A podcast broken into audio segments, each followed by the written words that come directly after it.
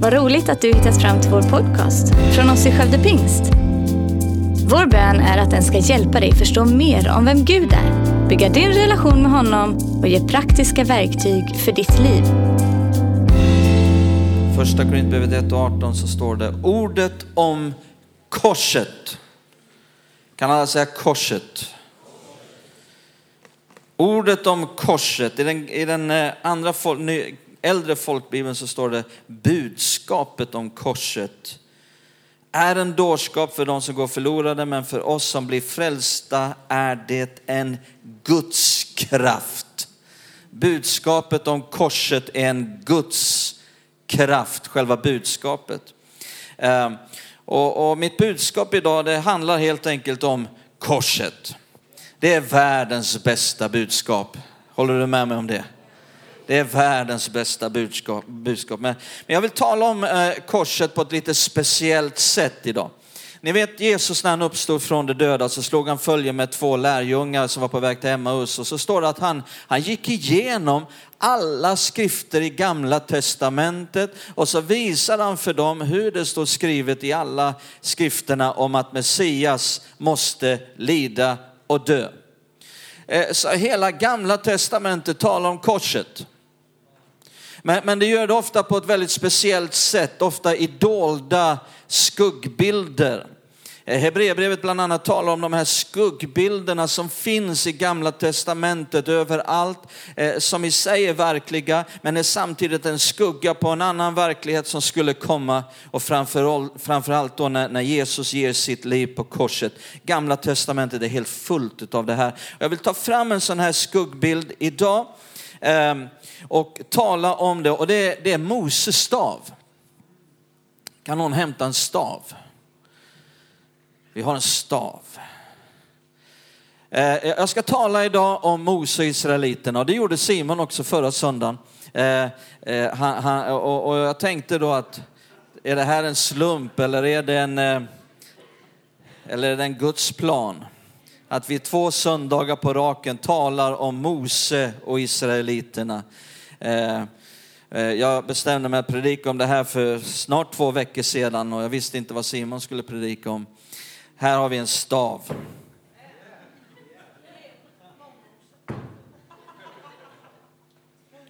Den, härlig, den dundrar härligt. Ska, ska. Praise the Lord. Ligg kvar där. Titta här nu i andra, nej, andra Mosebok. Det fjärde kapitlet, vers 1-5. Andra Mosebok 4, 1-5. Moses svarade, men om de inte tror mig och inte lyssnar på mina ord utan säger Herren har inte uppenbarat sig för dig. Då sa Herren till honom, vad har du i handen? Han svarade en stav. Han sa kasta den på marken. Han kastade den på marken förvandlade den till en orm och Mose flydde för den.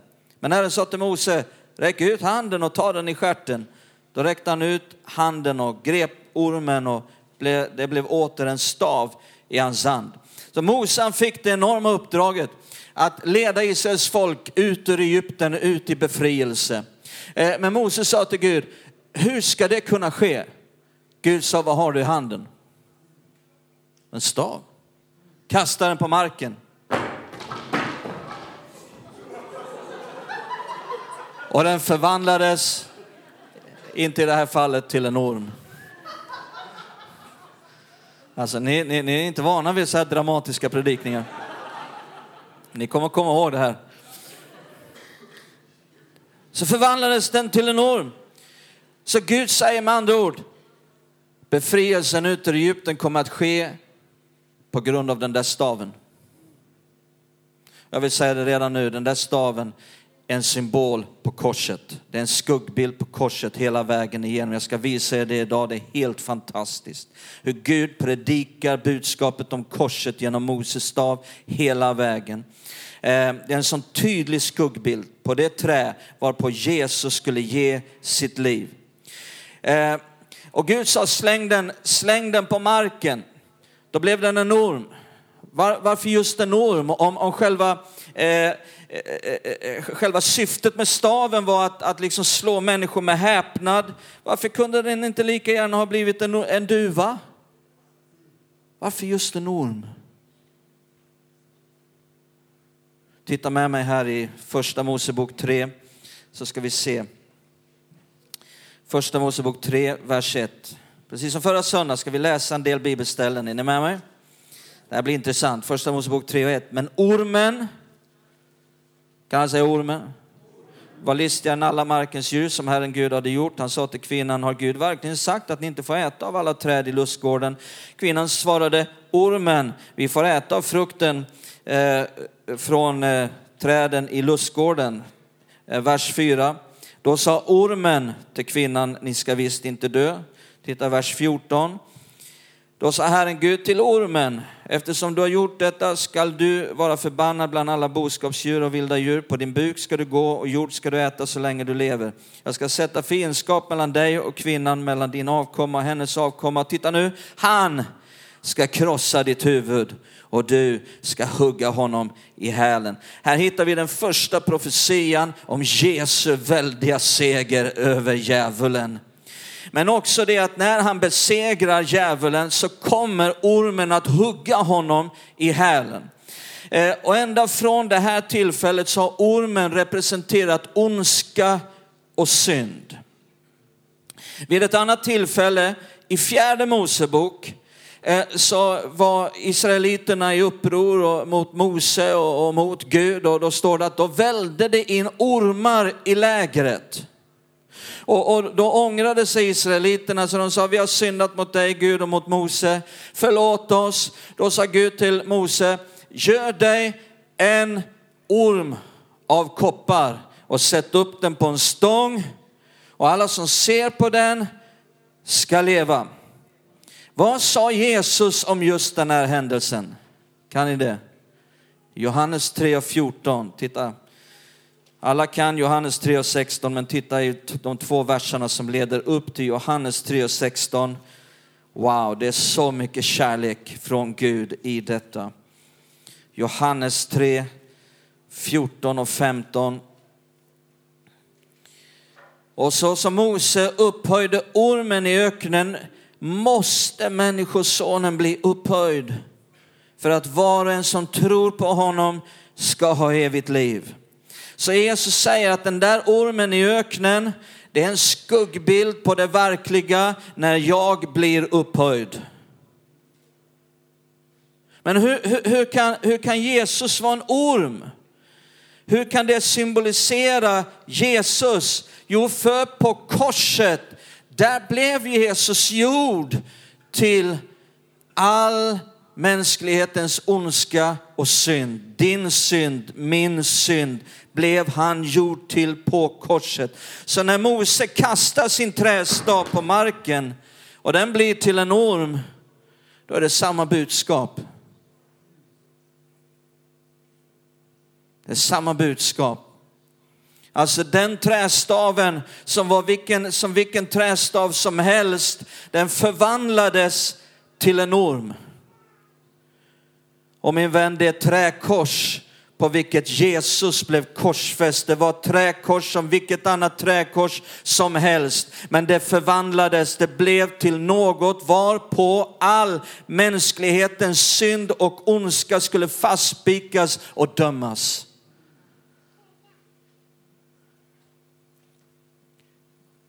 Och när Moses såg hur, hur staven förvandlades till, till en orm så flydde han. Kommer ni ihåg vi läste det? Men Gud sa fly inte. Ta den i skärten. Men det är ju inte så man tar en orm. Har du någonsin tagit en orm någon gång? Här har vi killen som kan det här. Alltså man tar ju inte en orm i skärten, eller hur? Man, man vill ju ta den över huvudet för att den inte ska slingla, slingla sig runt och bita. Så Mose var tvungen att ta den i tro. Är ni med? Och Guds budskap till dig, korsets budskap är fly inte. Ta tag om korset i tro.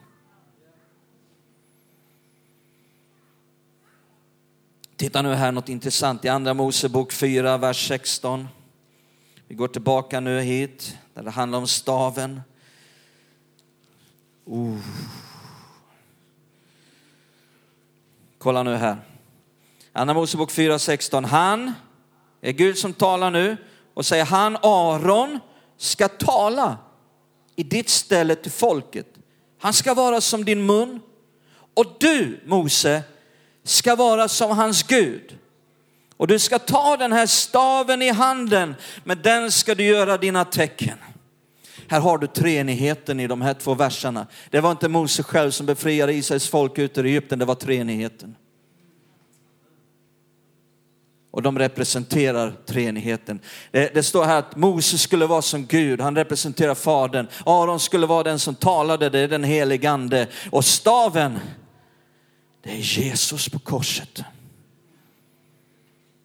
Det var den egentliga orsaken till att de kunde få uppleva befrielse där nere för snart tre och ett halvt tusen år sedan. Och titta nu vad som händer i kapitel 7. Wow. Andra Mosebok 7, vers 8 så står det, Herren sa till Mose Aron, när farao säger till er, låt oss se något under, då ska du säga till Aron, ta din stav och kasta den framför farao så ska den bli en stor orm. Mose och Aron gick till farao och gjorde som Herren hade befallt. Aron kastade sin stav. Nu är Arons stav också med, men staven representerar, oavsett om det är Mose eller Arons stav, så representerar det korset. Ehm, och Aron kastade sin stav framför farao och hans tjänare och den blev en stor orm. Då kallade farao till sig sina vise män och trollkarlar och även dessa, de egyptiska spåmännen, gjorde samma tecken genom sina magiska konster. Var och en kastade sin stav och stavarna blev stora ormar. Men Arons stav slukade deras stavar. Ändå förblev faraos hjärta hårt han förhärdade sitt hjärta och han lyssnade inte på dem precis som Herren hade sagt. Du vet, här trodde de egyptiska trollkarlarna att nu har vi staven. Nu, nu har vi fått bukt med det här stavproblemet. Eh, men då åt Arons stav upp de andra ormarna. Och på samma sätt så fanns det ett ögonblick på korset när den demoniska andemakten trodde, nu har vi Guds son, vi har fått bukt med det här problemet. Men i samma ögonblick så tog Jesus in i sig själv all synd och ondska och blev gjord till den. Och i och med det så avväpnade han alla ondskans andemakter fullständigt. Titta vad det står i Kolosserbrevet kapitel 2. Kolosserbrevet 2. Oh, det här är fantastiskt. Vers 14 till 15. Och utplånat skuldebrevet som vittnade mot oss med sina krav, det tog han bort genom att spika fast det på vadå? Korset. Och vad hände då? Han avväpnade härskarna och makterna och gjorde dem till allmänt åtlöje när han triumferade över dem på, vad då? Wow! Ser ni vilken bild som växer fram med den här staven? Och titta nu vad som händer i andra Mosebok 7, samma kapitel. Vad mer gjorde nu staven? Vi bara läser för tids skull nu bara vers 19. Och Herren sa till Mose, säg till Aron, ta din stav och räck ut den över Egyptens vatten. Över dess strömmar, kanaler, sjöar och alla andra vattensamlingar så ska de bli blod. Över hela Egyptens land ska det vara blod, både i träkärl och stenkärl. Staven initierade de tio straffdomarna, har ni hört talas om dem? Som kom över Egypten. Det var staven som initierade detta. Moses sa till farao och Aron, så säger Herren, släpp mitt folk. Och det var genom dessa tio straffdomar som Israels folk skulle släppas fria ur Egypten och min vän, på samma sätt är det genom straffdomen på korset som Gud befriar människor ut ur syndens slaveri, ut i frihet. Genom straffdomen på korset. Till att vara Guds eget folk. Egypten representerar världen. Farao representerar djävulen som har väldet i världen. Och lyssna nu, det här är så intressant. De här tio straffdomarna som kom över Egypten visar på ett symboliskt sätt så exakt vad som drabbade Jesus på korset. Vad var den första domen? Blod. Och det första som inträffade för Jesus det var den enorma blodstörtningen som inträffade vid, vid gisslingen och genom hela korsfästelsen. Och sen kom de andra straffdomarna. Grodor, flugor, myggor, bölder, pest, gräshoppor, hagel.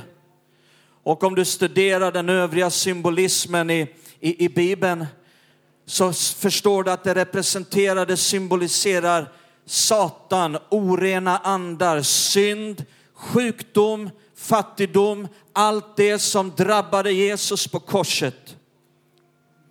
Och så till sist så kom den, den, den nionde domen, vad var det? Ett totalt mörker över hela Egypten. Hur länge? I tre dagar. Och de sista tre timmarna på korset så var det ett kompakt mörker över hela Jerusalem och över Jesus själv. Och så kom den tionde och sista plågan. Det var att allt förstfött i Egypten skulle dö. Och på korset så var det Guds enfödde son som dog. Och Paulus kallar honom för den förstfödde från de döda. Och det ledde sen in i, i påskmåltiden som i sig också är en, eh, en, en skuggbild på Jesus. Paulus säger i Korinthierbrevet att vårt påskalamm Jesus och så vidare. Ehm, så det finns så mycket intressant här, jag kan inte stanna upp och gå in på, på detaljerna här. Men vad är korsets budskap är? Jo, vid allt detta står det att faraos hjärta förhärdades. Korsets budskap till dig och mig är förhärda inte ditt hjärta. Ta emot korsets budskap. Förhärda inte ditt hjärta vid allt detta. Ta emot budskapet. Och här kommer nästa sak, den tredje punkten. Korsets budskap, det är total seger på alla områden. För, för när Mose med Israels folk stod vid Röda havet med Egyptens arméer i hälarna. Då var det en omöjlig situation. Det fanns ingen väg ut. De var helt förlorade. Men då säger Gud, räck ut din stav över Röda havet. Och när han räckte ut staven då delade sig havet fullständigt och beredde en väg. Och på samma sätt min vän så var det så också med människan att det var omöjligt för människan att frälsa sig själv. Människan var helt förlorad, det fanns ingen väg. Alla religioner försöker hitta den vägen men det är hopplöst, det finns ingen väg. För människan att genom egna försök och ansträngningar försöka nå fram till Gud och begripa honom och bli frälst. Men korset, korset beredde vägen ut för människor som vill gå ut i frihet ifrån mörkret och syndens slaveri. Halleluja. Åh, är du tacksam för korsets budskap? Det öppnade vägen ut i frihet. Men vet du vad? De vände sig om och så fick de se farao och Egyptens arméer också komma springande genom Röda havet. Då sa Gud, räck ut din stav igen. Och så dränktes de allihopa. Vattnet återvände Och på samma sätt så har Gud genom korset ordnat med en total seger över Satan och all den onda andemakten. Och Jesus sa de ska inte kunna göra er någon skada. Wow, är det någon som blir glad här idag? Halleluja. Jag är glad jag kom hit så jag fick predika mig själv glad. Oj, oj, oj. Men hur många vet att bara för att du har blivit frälst, det betyder inte att djävulen inte kommer och försöker. Så hur ska vi då kunna stå fasta i den seger som har vunnits? Jo, vi ser det i det första som inträffar. När de kom över på andra sidan eh, Röda havet, så det första som inträffade, det var en speciell strid. Amalekiterna kom.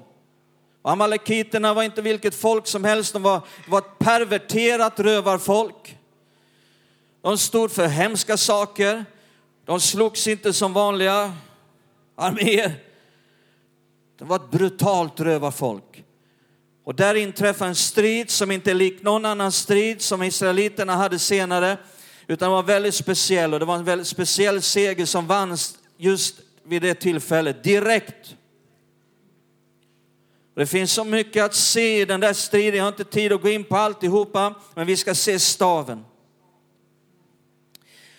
Titta här i Andra Mosebok 17.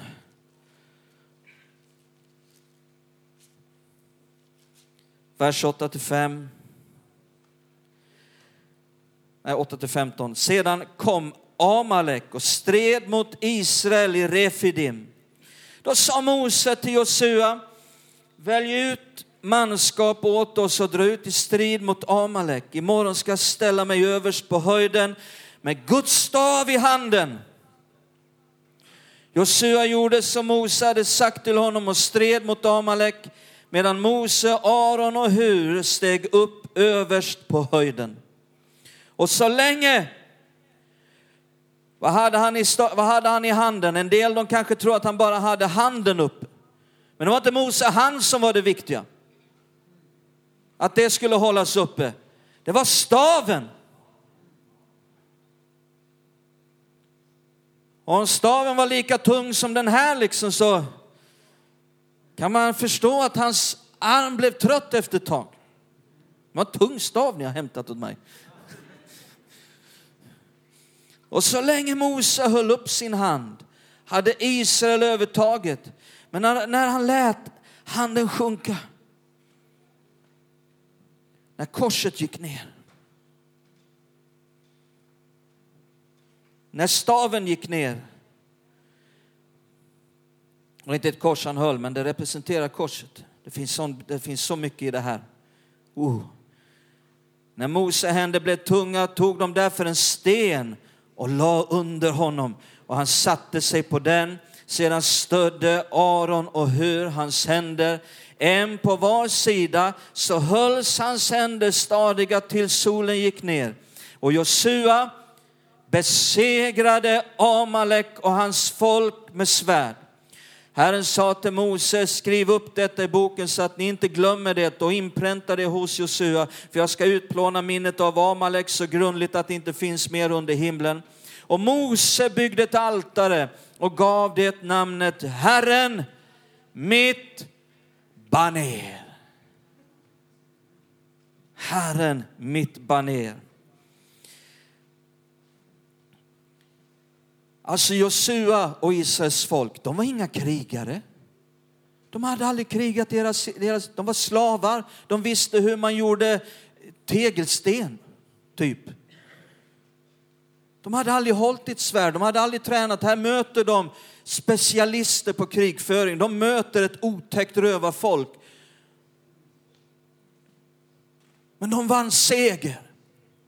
Men det var inte för Josua var tränad. Han blev tränad till sist, men han var inte tränad general. Han, de var inga tränade soldater. Hur kunde de vinna seger? För det fanns en stav som var uppräckt. Som symboliserar korset. Det enda som gör att du kan ha seger i ditt liv.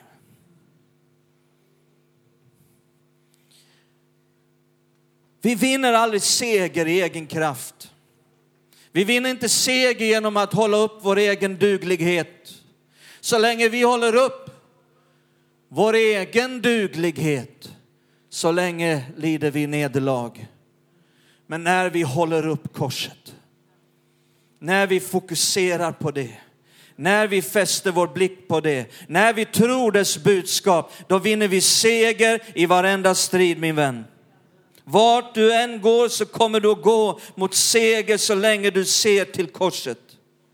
Det är, ju, det är det som gör, vi frågade hur kan vi, hur kan vi fortsätta i seger?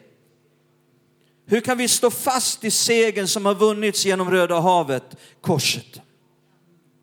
Det, det, det, det, här är det enda sättet att uppleva och stå fast i den seger som redan har vunnits. De som stred där nere, Josua, Israeliterna, de kunde hela tiden blicka upp mot höjden. Och där såg de Mose och de såg en stav.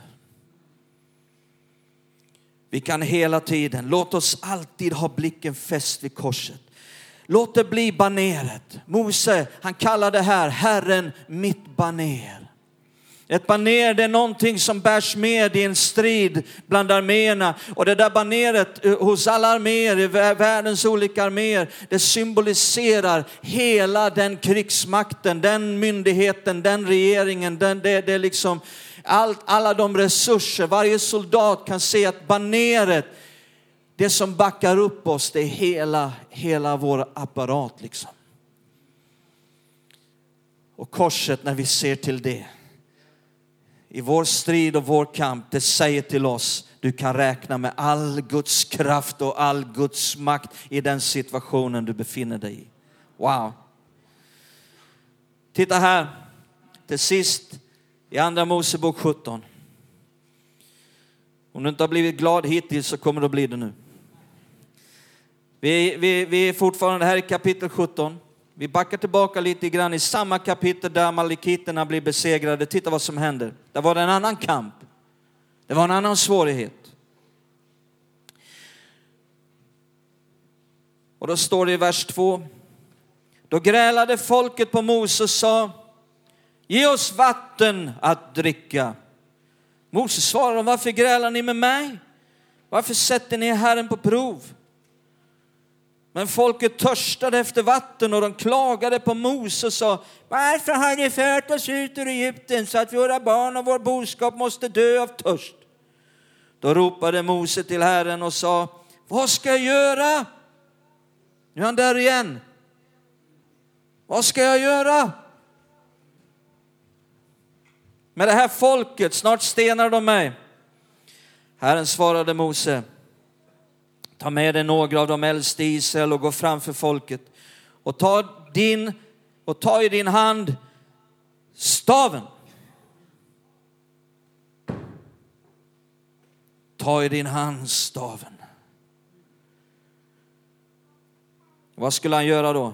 Med vilken du slog på Nilfloden och gå.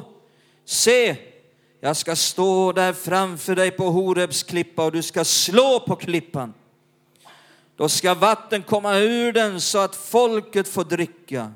Mose gjorde så inför de äldste i Israel. En stav som slår på en klippa. Vad är det en bild på? Första Korinthierbrevet 10, Paulus säger den klippan var Kristus. Och staven som slår på klippan. En bild på när Kristus, Guds son, blir slagen och fastspikad på korset. Och det gjorde att livgivande vatten bröt fram och gav liv till de törstande. Och på samma sätt så är det korset det enda som gör att livet, den heliga Andes liv, bryter fram och når fram till världens törstande människor som inte har kunnat släcka sin törst i någonting annat på den här jorden. Jesus sa, om någon törstar så kom till mig och drick. Detta sa han om anden, står det. Men titta nu i vårt sista bibelställe. Vi går fram från andra Mosebok, långt fram i tiden, till fjärde Mosebok och kapitel 20.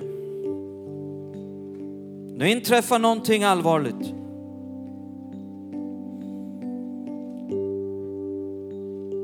I fjärde Mosebok 20 så står det av vers 2 och 3. Och församlingen saknade vatten. Nu är de törstiga igen. Och därför slöt de sig samman mot Mose och Aron. Folket klagade på Mose och sa, om vi ändå hade fått dö när våra bröder drog, dog inför Herrens ansikte. Titta nu vers 7. Och Herren talade till Mose. Han sa, ta staven och kalla samman församlingen. Staven skulle vara med. Du och din bror Aron och tala till klippan. Inte slå den. Tala till den.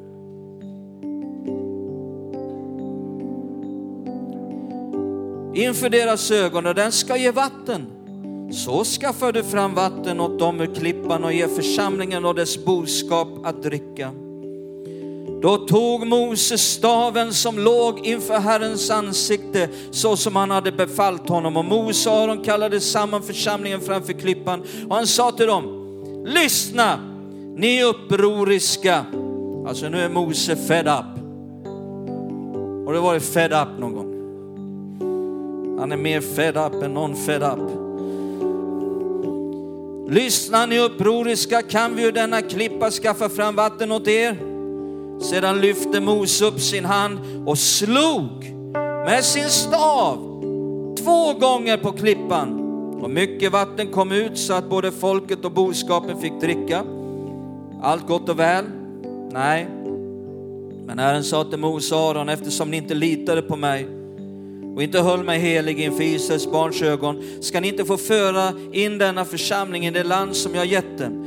Detta var med Ribas vatten, där Israels barn tvistade med Herren och där han visade sig helig bland dem. Så många människor, många har förstått att vad Mose gjorde var fel. Det här orsakar att Mose fick inte leda in dem i löfteslandet. Guds vrede blev upptänd. Det kom en dom över Mose som var att du får inte leda folket in i löfteslandet. Och många har förstått att, att, att vad Mose gjorde fel, det var att han skulle ha talat till klippan, för det var det Gud sa. Han skulle inte ha slagit på klippan med sin stav. Men han skulle ha staven med, han skulle hålla den i handen, men sen skulle han tala till klippan. Men varför? Varför var det så fel att slå på klippan? Jo, för att Jesus ska bara bli korsfäst en gång.